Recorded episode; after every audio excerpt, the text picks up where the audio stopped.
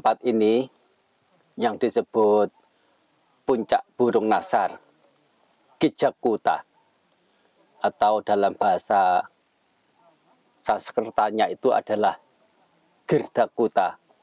Kuta artinya puncak. Ya, Grida atau Gijak. Uh, burung nasar. Burung nasar itu salah satu jenisnya adalah burung Garuda itu juga burung nasar. Nah, begitu banyak jenis burung nasar ada yang uh, kepalanya botak itu. Nah, itu juga uh, bentuk, apa jenis-jenis burung nasar. Dinamakan puncak burung nasar oleh karena bentuknya puncaknya itu salah satu ya menyerupai paruh atau apa mulut burung nasar termasuk badannya juga uh, di uh, yang saya simpan uh, di HP itu ada tiga spot sebetulnya. Uh, spot uh, uh, apa burung nasa sedang apa namanya sedang mendekam. Jadi wajahnya menghadap ke depan satu spot. Satu spot lagi itu paruhnya mendongakkan ke atas ya. Dan satu spot lagi uh, yang lain lagi saya agak lupa uh, bentuknya bagaimana. Itu tiga spot yang uh, orangnya mengerti itu ya beritahukan. Di Tipitaka disebutkan puncak burung nasar Kijakuta. Di sana sang Buddha bersemayam atau berdiam atau bertinggal kadang bersama para biku dan banyak. Bante Sariputa, Bante Ananda, Bante Mogalana, Bante Junda, Bante yang lain. Sesekali di Suta disebutkan di puncak gunung ini Bante Sariputa bertegur sapa dengan Bante siapa yang lain, Bante Ananda atau kadang beberapa biku berkumpul untuk sore hari bercengkerama dharma, saling bertanya jawab.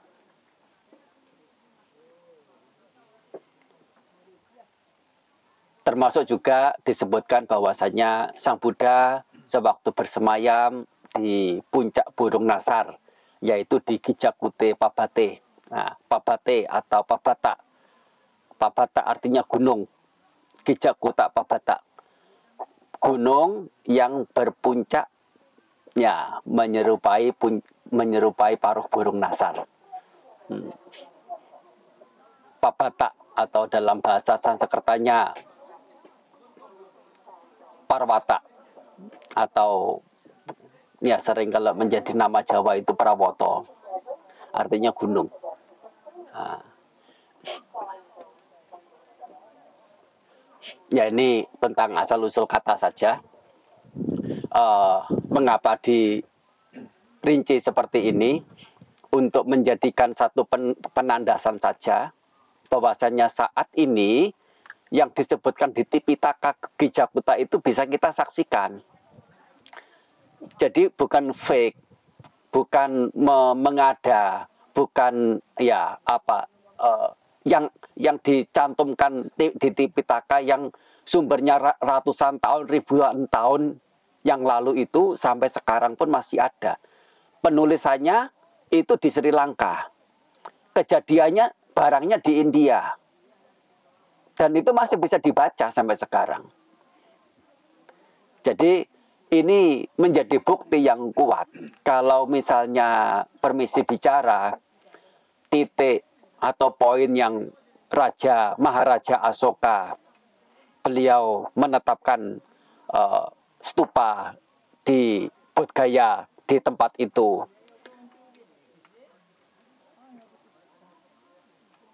Barangkali itu adalah tempat yang memang tepat. Tapi apakah tidak memungkinkan ada pergeseran mengingat pohon bodhi itu ada bukan satu dua pohon, tapi banyak. Pohon yang mana? Betul ya? Banyak juga puing-puing kuno yang kemudian dinyatakan sebagai tempat ini, tempat itu, tempat apa begitu. Sesungguhnya apakah betul? Ya mungkin, tetapi itu masih mungkin. Artinya ada kemungkinan keliru. Walaupun demikian, kita tidak menyelidik atau sampai uh, memutuskan kalau ternyata itu keliru terus kita tidak mau melakukan puja di situ atau apa dan sebagainya. Oleh karena apa?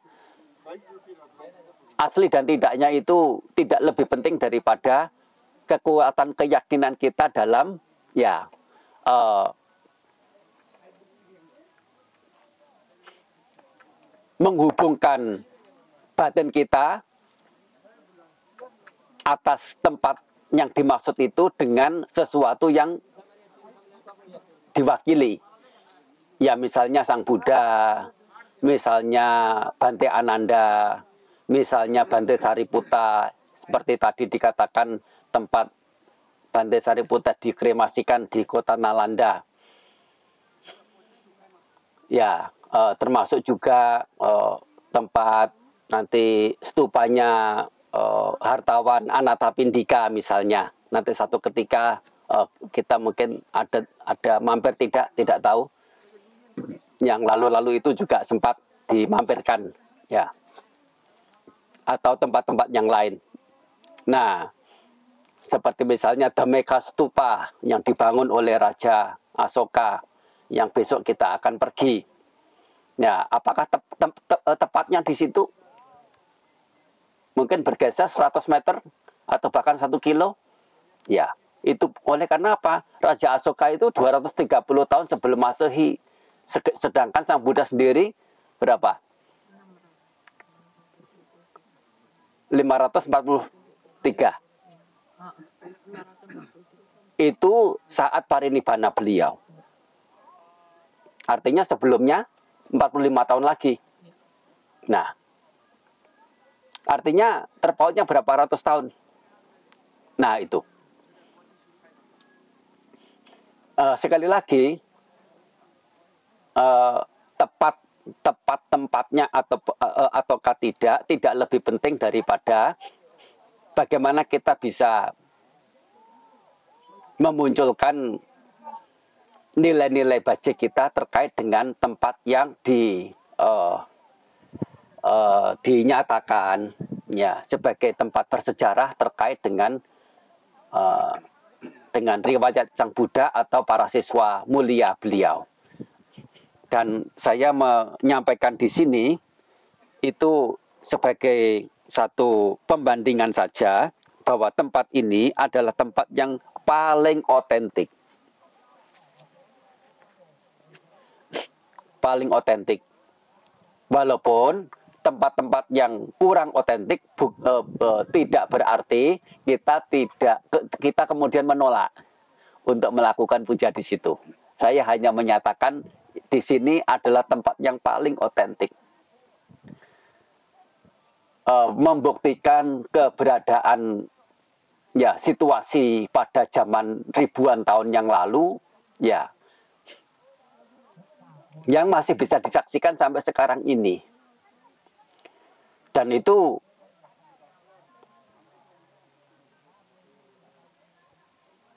tidak tidak banyak tempat yang bisa uh, dikenali sampai ribuan tahun.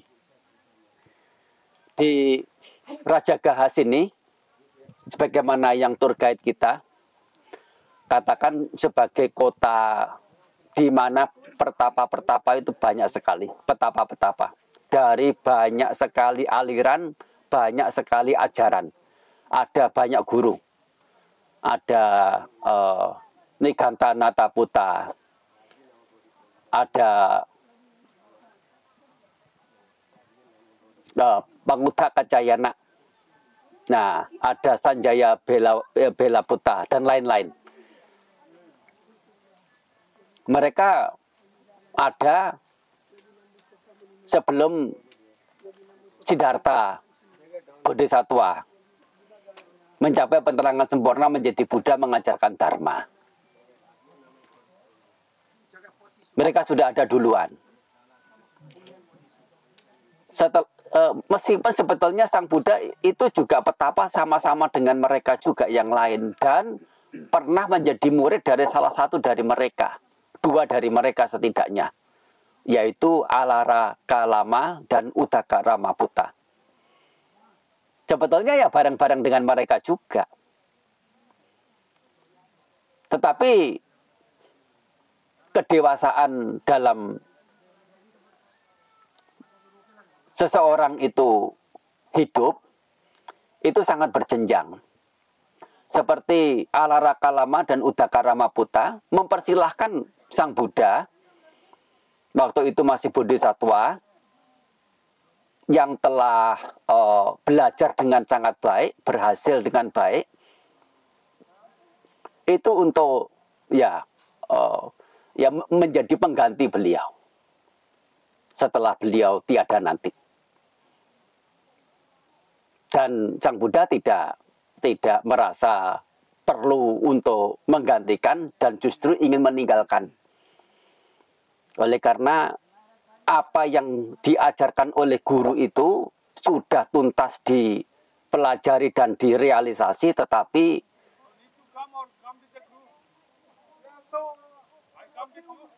belum mendapatkan satu penyimpulan bahwa ini adalah akhir penderitaan.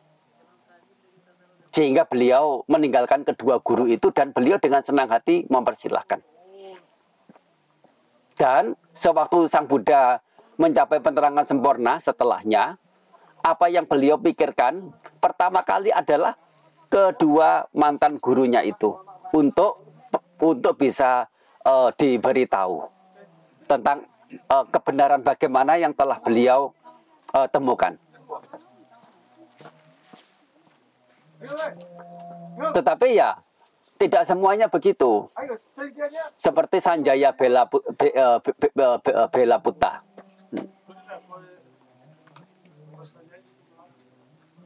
Dia adalah beliau adalah guru Upatisa. Ma, ya, ya betul. Upatisa dan Kolita. Yang kita kenal Bante Sariputa dan Bante Mogalana. Uh, Sanjaya, uh, Sanjaya. Sa Sanjaya betul ya. Iya, Sanjaya. Ya.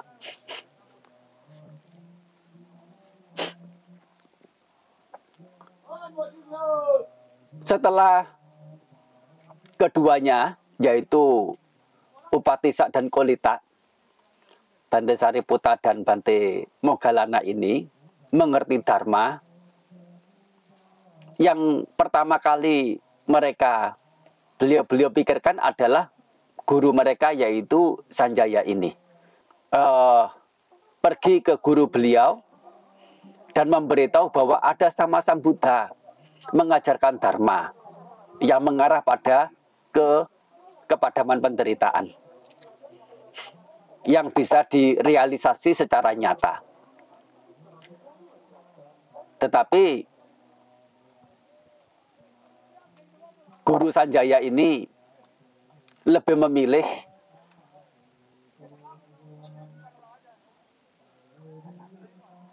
menjadi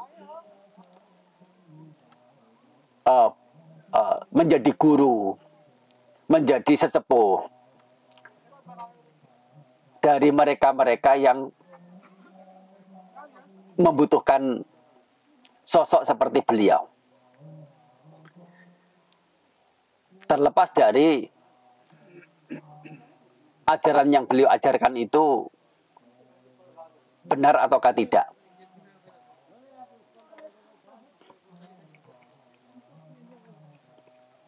Bagaimanapun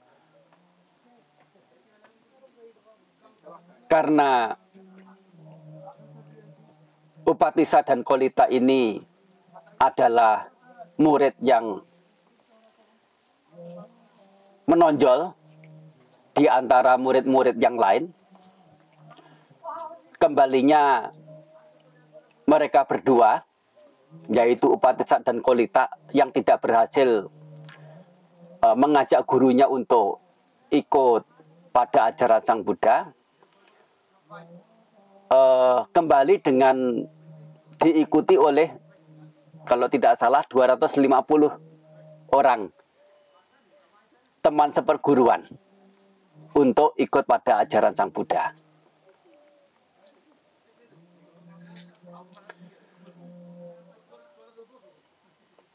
Sang Buddha dengan tegas menyatakan bahwa sesungguhnya kehidupan luhur yang beliau jalankan itu bukan semata-mata demi untuk menjadi pemimpin, menjadi apa uh, penguasa, menjadi yang terdepan di antara ajaran-ajaran yang lain, bukan demi memberantas ajaran yang lain. Sebatas demi menuju pada penghancuran, ketiadaan nafsu ragawi, kepadaman, pencerahan dan nibana, akhir penderitaan. Ini yang sesungguhnya ada dalam batin beliau. Bagaimanapun, para guru terutama para guru utama, dengan keberadaan sosok petapa muda yang sedemikian mendapatkan sambutan yang gegap gempita baik oleh para kesatria, oleh para brahmana, para bangsawan, para hartawan, termasuk masyarakat secara luas. Para petapa ini menjadi ya gelisah. Banyak kesempatan itu ya mereka menggunjingkan keberadaan Buddha, keberadaan Dharma, keberadaan Sangga. Termasuk juga ya berbagai macam berbagai macam uh, cara mereka itu untuk mendiskreditkan Sang Buddha dan ajaran beliau. Dan pada waktu itu semakin banyak brahmana-brahmana yang ternama itu yang awalnya juga untuk bisa percaya dengan Sang Buddha, mengikuti ajaran Sang Buddha, bukan hal yang mudah. Tetapi kemudian menjadi pengikut Sang Buddha. Sekian banyak. Nah ini membuat guru utama yang saya sebutkan tadi itu beberapanya itu menjadi gelisah. Dan bagaimanapun mereka tidak bisa mengelak atas ajaran Sang Buddha itu. Sesekali Sang Buddha pergi berkunjung ke pusatnya Jaina dengan dengan apa namanya ini uh, guru utamanya datang ke sana. Berbincang-bincang. Sejak waktu beliau pindah patah karena masih terlalu pagi, ya. Sang Buddha belum ke kampung dulu, mampir dulu ke tempat Jaina ini bincang-bincang. Dari kejauhan itu melihat sang Buddha, nah, gurunya ini langsung kasih kode ke murid-muridnya. Eh, apa namanya? Diam kau, diam. Ya. Jangan berisik. Pertama Gotama tidak senang dengan keberisikan. Nah, kalian berisik ini nanti apa namanya? Uh, kita semua yang akan mendapatkan celah. Nah, begitu Sang Buddha datang, begitu eh, mereka semua biasanya sudah uh, menjadi diam, menjadi senyap. Nah, bincang-bincang, bincang-bincang, banyak sekali Brahmana yang ya berbincang-bincang dengan Sang Buddha. Beberapa di antaranya menjadi pengikut Sang Buddha, yaitu beberapa menjadi biku, seperti termasuk Bante Mahakasapa, adalah juga Brahmana. Matangga dalam kasta Brahmana, tetapi menjadi sotapana, yaitu orang yang punya keyakinan kuat pada Sang Buddha, tidak pada yang lain tidak pada Brahma, tidak pada Wisnu, tidak pada Indra, tidak pada matahari, dewa matahari atau atau yang lain. Beberapa cukup paham mengerti, tetapi sekedar mengerti, mau mengakui bahwa itu benar, tetapi tetap masing-masing. Hanya mengucapkan satu satu itu memang yang benar, tetapi kenyataan keseharian bagaimana dia atau beliau masih tetap uh, punya cara sendiri, punya praktik sendiri, punya ajaran sendiri. Seperti itu. Oleh karena apa? Nah, itulah uh, yang namanya manusia itu bukan hal yang mudah untuk bisa uh, menyeberang ke pantai seberang. Oleh karena mara itu memang sangat lihai atau ya kita mengatakannya itu setan tidak lain adalah kotoran-kotoran batin.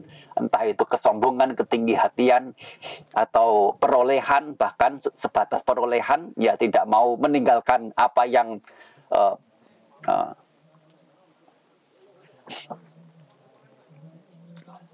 uh, yang dulunya pernah dapatkan, ya termasuk juga apa kebesaran nama. Kalau di ungkapan Thai itu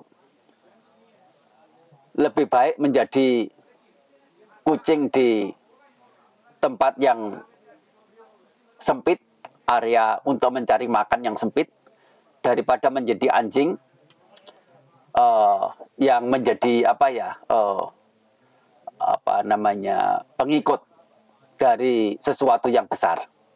Meskipun besar tapi sebagai pengikut. Tapi meskipun kecil menjadi rajanya. Ya. Eh, paham ya? Eh, paham. Jadi beberapa orang ya tidak mau. Uh, satu lagi petapa saya lupa namanya itu yang dari arah timur dari dari wilayah timur yang yang apa sudah sampai pada tingkatan yang sangat tinggi meditasinya begitu mengenal mendengar istilah Buddha begitu langsung pergi dengan jarak itu bukan 100-200 kilo, ratusan kilo untuk bisa bertemu dengan Sang Buddha. Dan mendengar apa? Tidak mau menunggu meskipun Sang Buddha selesai berpindah patah. Di tengah jalan beliau Sang Buddha berpindah patah itu dihadang dan bertanya Dharma. Sampai tiga kali sang Buddha sebentar saya saya pendapatan dulu. Ah, maunya saat itu juga. Nah sang Buddha kemudian membabarkan dharma dan mencapai tingkat kesucian arahata. Nah ini adalah uh, warna-warni orang ya di dunia ini. Dan sang Buddha pada waktu itu ya menjadi pendobrak pendobrak soal kasta salah satunya Nah, dikatakan bahwa Brahmana, Kesatria, Waisa dan Sudra itu mana yang lebih tinggi, mana yang lebih mulia, itu tergantung. Kalau Brahmana itu adalah Brahmana yang kaya raya, banyak pengikut, banyak harta, para raja, para bangsawan akan datang mendekat tidak? para waisa pedagang yang lain akan ikut mendekat tidak?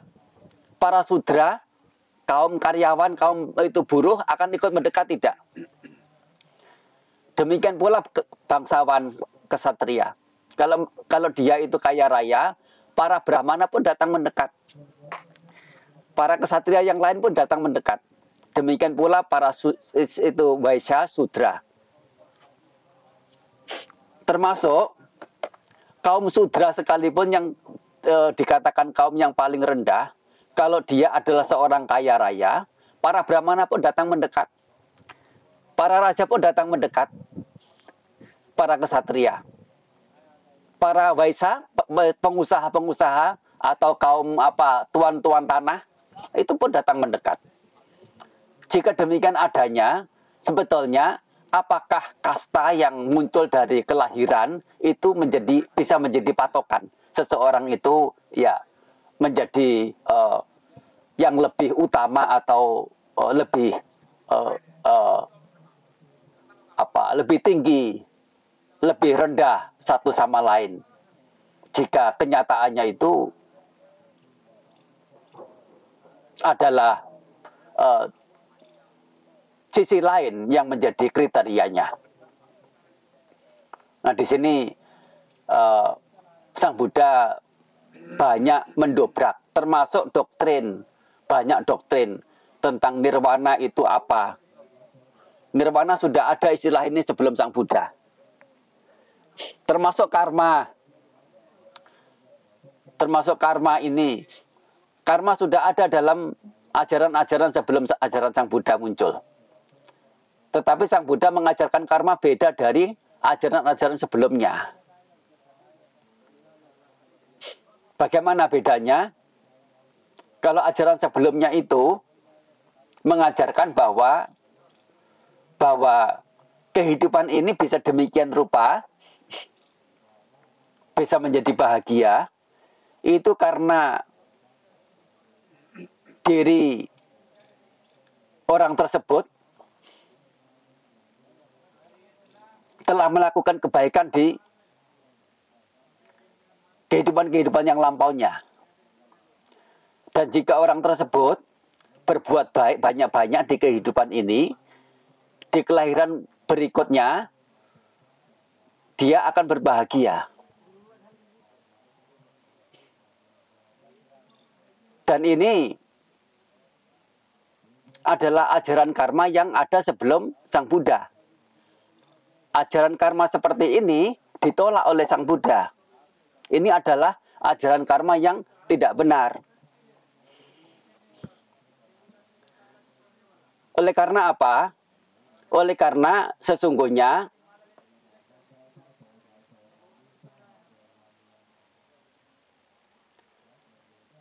apa yang terjadi pada waktu lampau dengan pelakunya. Apa itu pelakunya? Sesuatu yang melakukan yaitu berupa faktor batiniah. Si pelaku itu setelah melakukan sesuatu padam di waktu itu. Yang menerima hasil itu kemunculan lain yang bukan sesuatu yang telah padam yang telah melakukan perbuatan itu. Di sini dijelaskan demikian untuk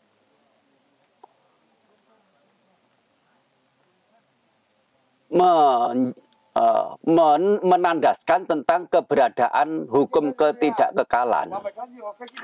Jika pernyataan bahwa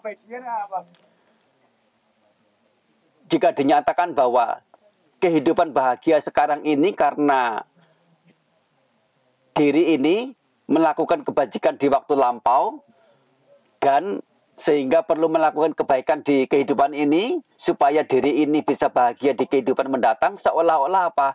Ada diri. Dan diri ini di dunia sekarang di dunia yang alam yang lampau yang alam yang akan datang sama.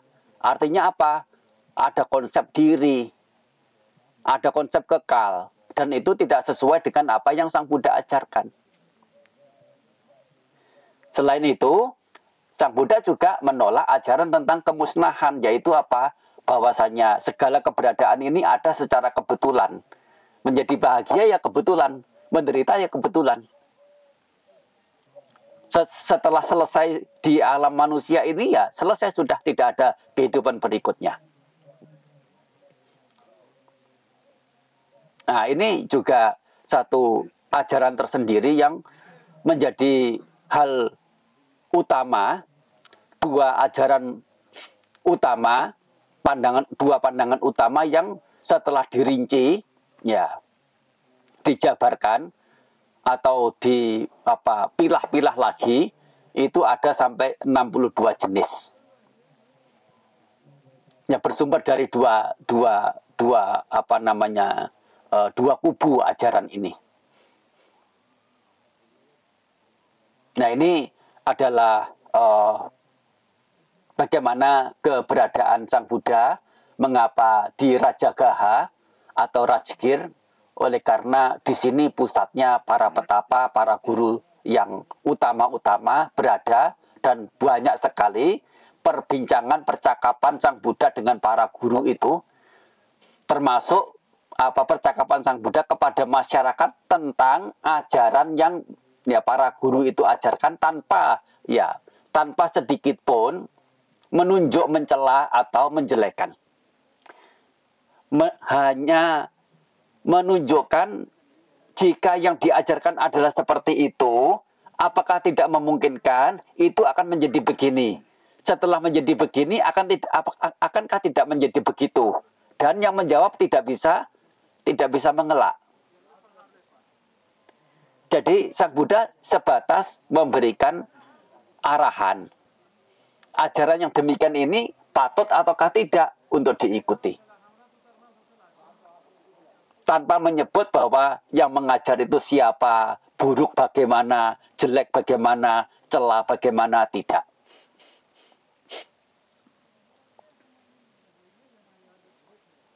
Tetapi bagaimanapun yang namanya ajaran itu ya sudah semestinya untuk diberikan secara nyata, secara jelas, secara terang, secara otentik, secara akurat. Apa yang memang kebenaran disampaikan. Apa yang keliru ya tidak semestinya uh, di ditutup-tutupi atau diamini hanya karena sungkan, hanya karena ingin menghargai. Tidak semestinya demikian. Soalnya itu adalah kata-kata manis yang menjerumuskan.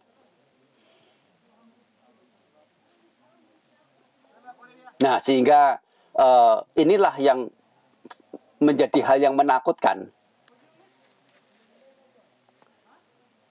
bagi mereka-mereka yang masih terbutakan oleh kuasa marah, oleh kuasa tanha, takut uh, perolehannya, pengikutnya, atau segala apanya, kebesaran namanya, ketenarannya akan tertutupi oleh kemunculan sosok pengajar yang lain. Kemunculan petapa muda yang terhadap Brahmana tua yang sudah sedemikian rupa dihormat, dihargai oleh masyarakat, Siddhartha atau dalam hal ini Sang Buddha datang berkunjung tanpa memberikan hormat.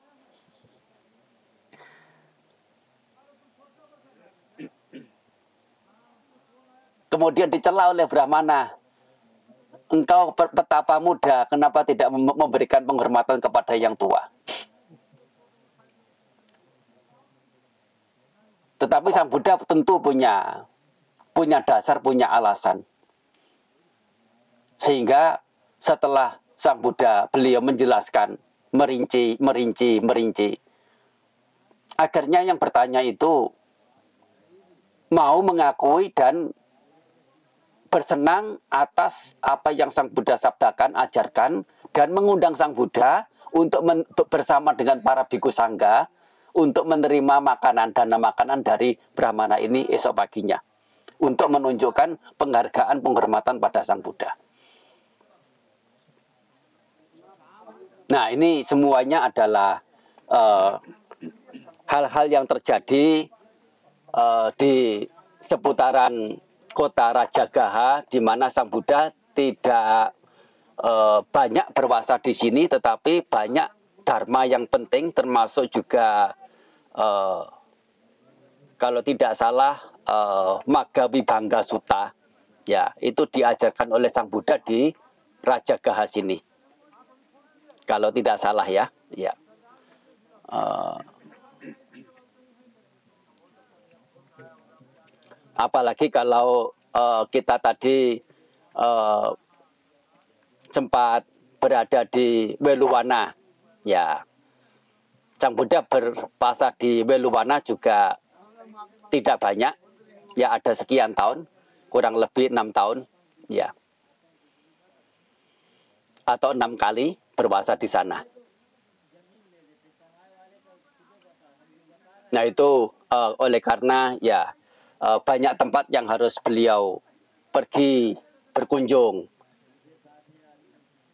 hingga ratusan kilometer di sepanjang beliau hidup ya pergi untuk uh, ya mengabarkan kebenaran kepada mereka yang beliau pandang punya kualitas, punya paramita, punya kecenderungan cukup untuk bisa mendapatkan manfaat berupa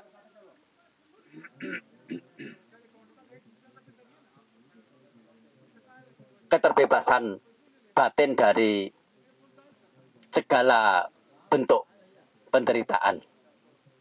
Dan ini semua didasari oleh cinta kasih, didasari oleh welas asih, bukan semata-mata ingin menjadi tenar, ingin menjadi pemimpin, ingin menjadi ya yang utama di antara yang lain.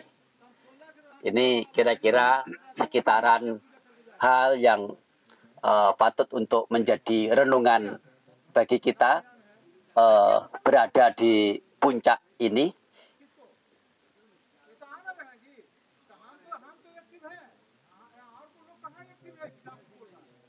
Me, apa flashback apa memflashback itu apa bahasa Indonesia-nya kilas balik ya mengkilas balikkan ya kira-kira 2600 tahun yang lalu di sini ya Sang Buddha tinggal.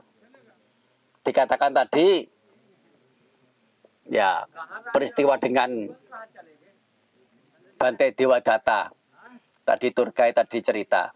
Bante Dewa Data itu berdirinya di situ. Puncak yang sebelah sini. Nah, kemudian di lorong sana itu ada tangga turun. Nah, yang bukan ke sini tapi ke sebelah satunya. Ya biasanya itu tangga turun untuk Sang Buddha. Ya, Dewa Data dari sini ini yang menggelindingkan batu. Ya. Sampai ya mengenai uh, tubuh Sang Buddha hingga terluka, mengeluarkan darah. Nah, itu uh, uh, peristiwa yang terjadi di uh, Gunung Kijakuta ini. Ya, saya kira itu yang uh, bisa disampaikan bincang-bincang terkait dengan kunjungan kita ke tempat kita sebut tempat sakral. Ya oleh karena berkaitan dengan sang guru agung meskipun tidak termasuk empat. Empat itu apa? Tempat kelahiran tempat pencapaian penerangan sempurna tempat pembabaran uh, Dhamma Cakapawatana pertama kali dan parinibbana. Ya. Tetapi di sini punya arti yang penting tersendiri. Ah, sekian dari saya Anumodana.